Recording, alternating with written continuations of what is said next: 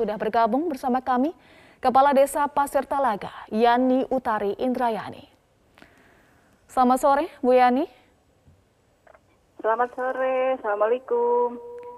Waalaikumsalam warahmatullahi wabarakatuh. Bu, apa update terkini terkait dengan pemotongan bansos ini? Apakah sudah diketahui oleh Anda dan juga pihak Pemkap Karawang? Sudah, uh, udah diketahui, tapi ini bukan pemotongan. Hmm. Kami mengajak berbagi dengan masyarakat yang terpapar dan terdampak COVID, Bu. Baik, tetapi ada lebih dari 200 warga yang protes, Bu. Apa penjelasan Anda? Uh, itu yang menerima emang 281 tapi hmm. langsung kita salurkan lagi yang yang berbagi kita salurkan lagi yang berbaginya itu kepada yang terdapat COVID itu 243 dan dari semua itu ada yang memberi eh, mau berbagi dan yang tidak. Kita tidak Tetapi, memaksa karena mereka sukarela. Iya. Mereka betul-betul sukarela, Bu. Mereka sukarela. Mereka buat pernyataan sebelumnya karena sebelumnya kita sosialisasi dulu dengan mereka. Hmm. Tetapi ada sejumlah warga yang mengeluhkan juga tahu bahwa ada aturan bahwa bansos sama sekali tidak boleh dipotong. Uh, kita udah, uh, ya kita tahu. Tapi kita tadi kita sudah mencoba berkoordinasi dengan pihak terkait di sini dengan dinas uh, kesehatan dari TKISK yang dari uh, dari dinas kesehatan dan kita juga dengan pihak yang ketiga untuk mengupdate data yang menerima bansos supaya kita ada pemerataan uh, jangan uh, data jangan tumpang tindih, data jangan semraut. Diduga ngebut, sebuah truk kontainer peti kemas menabrak rumah warga hingga terbalik dan menutupi jalan raya Driorejo, Gresik, Jawa Timur. Akibatnya sebuah mobil ringsek dan rumah warga rusak parah. Tidak ada korban jiwa, namun pengemudi truk peti kemas terjepit dan pengguna jalan mengalami patah kaki. Seperti inilah kondisi truk kontainer usai menabrak sebuah rumah dan maksud kami sebuah mobil dan rumah warga. Truk peti kemas yang dikemudikan Sutikno, warga Ponorogo ini terbalik hingga menutup jalan raya Krikilan, Kabupaten Gresik. Pengemudi truk mengalami luka di kaki akibat terjepit dan satu warga mengalami patah kaki. Proses evakuasi sopir truk berlangsung dramatis. Kedua korban luka dibawa ke Rumah Sakit Anwar Medika Krian Sidoarjo. Kecelakaan diduga akibat pengemudi truk melaju kencang sehingga tidak bisa mengendalikan laju truk. Truk menabrak mobil, kemudian terpelanting hingga peti kemas terbalik menghantam rumah warga. Karena mungkin kurang uh, menjaga jarak, akhirnya membentur bodi belakang kendaraan Honda Stream. Kemudian Honda Stream uh, terdorong ke depan, berputar balik arah, uh, membentur kendaraan sepeda motor yang berjalan dari arah barat ke timur berlawanan. Hmm. Nah, kemudian uh, truk kontainer ini oleng, nah, akhirnya membentur rumah, jadi tempat terguling. Jadi... Pasca ledakan petasan dari balon udara yang disebabkan kerusakan rumah warga, 12 orang menjalani pemeriksaan di kantor Satreskrim Polres Ponorogo. Mereka adalah warga Kecamatan Siman, Kabupaten Ponorogo, dari 12 orang yang diamankan, satu di antaranya masih berstatus anak di bawah umur. Menurut keterangan petugas, terduga pelaku diamankan berkat informasi dari masyarakat. Awalnya tiga orang diamankan sebagai pelaku pembuat petasan. Setelah dilakukan pengembangan, sembilan orang kembali diamankan yang diduga turut menerbangkan balon udara. Sejumlah barang bukti juga kembali ditemukan di lokasi diterbangkannya balon udara, di antaranya petasan ukuran jumbo yang belum sempat diledakkan serta sebuah parasut kita bisa mengamankan diduga diduga dari tiga pelaku diduga tiga pelaku yang membuat petasan tersebut. Kemudian setelah kita kembangkan kita amankan diduga pelaku yang lain kurang lebih dari 9 pelaku terkait dengan balon udara dan petasan itu. Sementara saat ini masih kita lakukan permintaan keterangan dan pemeriksaan terkait dengan kejadian yang terjadi pada hari Jumat tanggal 6 Agustus kemarin. Diberitakan sebelumnya balon udara tanpa awak membawa petasan jatuh di permukaan warga Desa Sumoroto, Kecamatan Kauman, Ponorogo. Akibat kejadian tersebut sejumlah rumah warga serta gedung sekolah rusak berat terkena ledakan petasan. beruntung tidak ada korban jiwa akibat peristiwa tersebut.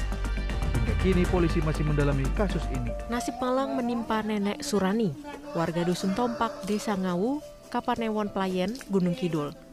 Alih-alih mendapatkan bantuan sosial dampak pandemi, nenek 70 tahun ini justru kehilangan perhiasan emas satu-satunya yang ia miliki. Gelang emas seberat 10 gram senilai kurang lebih 10 juta rupiah, Raib dibawa kabur pelaku penipuan berkedok pendataan bantuan sosial. Pelaku mengaku sebagai petugas pendataan bansos dari kecamatan. Surani kemudian diminta untuk menyerahkan gelang emas dengan alasan untuk dilakukan pengukuran di kantor kecamatan dan akan diganti dengan bantuan. Tanpa curiga, nenek Surani langsung menyerahkan perhiasan emas lalu sesaat kemudian pelaku langsung kabur. Sadar menjadi korban penipuan, nenek Surani kemudian melaporkan kejadian tersebut ke Polsek Playen. Bu itu apa saja Bu yang dibawa Bu? Ya anu gelang ini ngomong kangge celengan dong pun masa depannya dan janjikan akan kantor anu bantuan dari undi anu kecamatan Playen kok saking petugas kecamatan Playen ngaten jangan iki untuk bantuan per bulannya arto sak yuto 300 per bulan tiap dua tahun ngaten Hal yang sama juga dialami nenek Pardiem, warga Dusun Jogoloyo, Desa Duet. Dengan modus dan janji-janji yang sama, pelaku membawa kabur cincin emas seberat 5,5 gram. Peristiwa ini cukup memilukan, mengingat perhiasan emas merupakan tabungan yang setiap saat bisa dijual untuk berbagai kebutuhan yang mendesak. Sana akan ngasih sembako selama dua tahun. Itu ngakunya gimana itu? Ngakunya gimana? Orangnya tersebut Ajeng ali-alina ajeng diukur teng kecamatan ajeng kangge mendhet sembako. Ngoten. Mangke nek pun sembakone setengah jam lagi datang ke sini. Wakapolres Gunung Kidul Kompol Widya Mustika Ningrum mengatakan pihaknya masih terus melakukan penyelidikan dan mengumpulkan beberapa informasi dari sejumlah tempat kejadian. Babin Kamtimas kami juga sudah menekankan untuk sering menyambangi warga-warga yang lansia dan tinggal sendirian di rumah supaya tetap termonitor kondisi-kondisi masyarakat yang lansia dan tinggal sendiri tersebut ya. Untuk saat ini uh, masih dalam tahap terus penyelidikan. Uh, memang ada beberapa info yang kami dapatkan terkait ciri-ciri pelaku. Uh, semoga dengan dukungan dan doa dari semua warga masyarakat kami segera bisa uh, bisa mengungkap kejadian ini. Dugaan sementara pelaku menggunakan modus yang sama dengan iming-iming bantuan sosial dengan menyasar lansia yang dinilai mudah dipengaruhi. Kasus penipuan berkedok bansos sendiri sudah terjadi sembilan kali, namun dua di antaranya gagal. Tri Risma hari ini kini menjadi menteri paling dicari oleh sejumlah warga desa Pasir Talaga, Kecamatan Telaga Sari, Kabupaten Karawang, yang merasa bantuan sosial tunainya dipotong secara paksa. Dari BST senilai 600 ribu, warga hanya menerima 300 ribu rupiah dari pengurus RT. Menurut data pengurus desa, dari total 281 warga yang menerima BST, sebanyak 243 orang menerima hanya separuhnya. Kecurangan-kecurangan kalau dibilang masalah uang yang 600 ribu. Dari, dari pusat memang betul 600 ribu cuman jatuh ke masyarakat 300 ribu. Langsung dipotong di tempat. Dengan alasan? Dengan alasan katanya buat dana apa namanya uh, penyaluran buat kena yang kena covid dan kena dampak itu ada suratnya nggak? Tanda tangan nggak? Saya sendiri kalau dibilang kasar itu kena apa namanya itu pembokongan tanda tangan. Sementara itu, Kepala Desa Pasir Talaga, Yani Utari, menepis adanya pemotongan paksa dana BST. Menurut Yani, pihaknya meminta iuran seikhlasnya dari warga untuk penanganan isolasi mandiri warga yang jumlahnya sempat mencapai 212 orang. Yani juga mengeluhkan semrawutnya data penerima bansos karena sejumlah warga yang sudah meninggal dunia atau pindah tempat tinggal masih menerima bansos. Kita nggak uh, bukan motong ya pak, itu istilahnya kita nggak motong, kita berbagi. Ya berbaginya seperti apa? Kita ngadakan sosialisasi terhadap masyarakat. Mereka uh, BSC dapat tahap 5 dan tahap 6. Nah, kita meminta berbagi dengan satu tahap untuk dengan yang terpapar COVID dan yang terdampak COVID yang belum pernah mendapat bantuan apa pun dari pemerintah. Untuk memudahkan warga menerima bansos, Kementerian Sosial bekerjasama dengan Kementerian Dalam Negeri dalam pengecekan status di situs cekbansos.kemensos.go.id. Warga cukup memasukkan nomor identitas kependudukan dan wilayah yang sesuai dengan identitas. Di satu sisi, pemberian bantuan sosial tentunya tidak bisa mengandalkan sistem, namun perlu pengawasan ketat di lapangan, mulai dari camat, bupati, gubernur, hingga tingkat kementerian. Supaya warga yang terdampak pandemi tidak perlu lagi menerima bantuan yang dipotong dengan alasan apa pun. Di era pandemi, 69 persen dari responden yang dites mengaku memiliki masalah psikologis.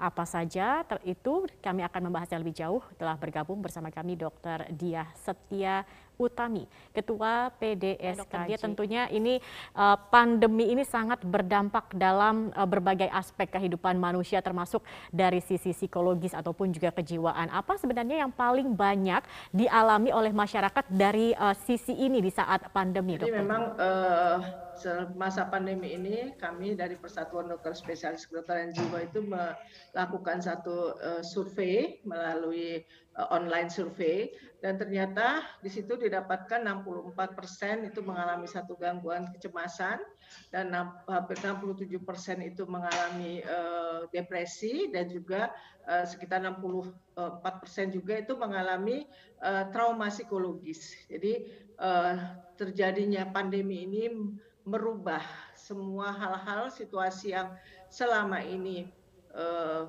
berjalan normal itu berubah uh, total dan itu memberikan dampak secara psikologis ya uh, dan berkelanjutan sampai menimbulkan gejala-gejala uh, psikiatris tadi ya khususnya hmm. uh, masalah kejiwaan seperti rasa ketakutan, rasa cemas ya, rasa marah, rasa sedih, rasa yang hmm. tidak nyaman atau trauma-trauma tertentu yang disebabkan oleh uh, pandemi COVID-19 ini kemudian menyadari bahwa rasa cemas, takut, kesedihan yang dialami ini masih dalam batas normal atau ini sudah masuk uh, dalam uh, gangguan psikologis begitu. Apa sebenarnya uh, yang bisa kita kemudian lihat begitu bahwa oh kalau sudah seperti ini mungkin ada masalah dalam psikologis kita begitu. Sebetulnya setiap orang itu punya kemampuan untuk beradaptasi ketika menghadapi suatu stresor psikososial. Jadi ini satu satu stresor ya, sesuatu yang membuat orang itu menjadi stres. Nah, uh, hanya tidak semua orang mampu beradaptasi.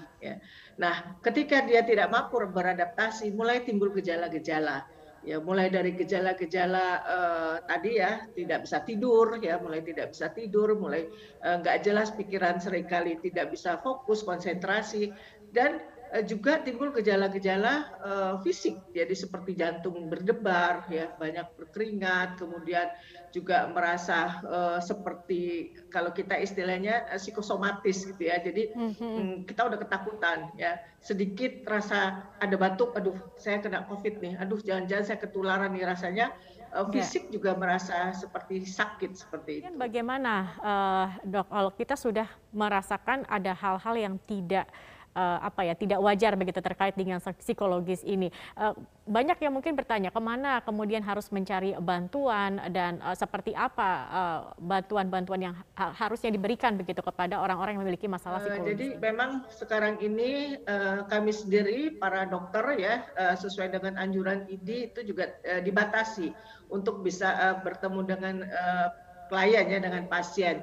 Jadi sebenarnya banyak e, cara ya yang bisa dilakukan bahwa e, hampir seluruh rumah sakit khususnya terkait dengan layanan kesehatan jiwa atau psikiatri itu membuka telemedicine. Jadi bisa menghubungi rumah sakit untuk bisa berkonsultasi melalui e, gadget ya melalui media e, virtual itu e, ada. Kemudian Kementerian Kesehatan juga minggu lalu juga sudah melakukan satu uh, kerjasama dengan berbagai platform uh, layanan kesehatan untuk khususnya terkait dengan uh, masalah kesehatan jiwa selama pandemi ini nanti bisa di, dicari mungkin ya di uh, googling.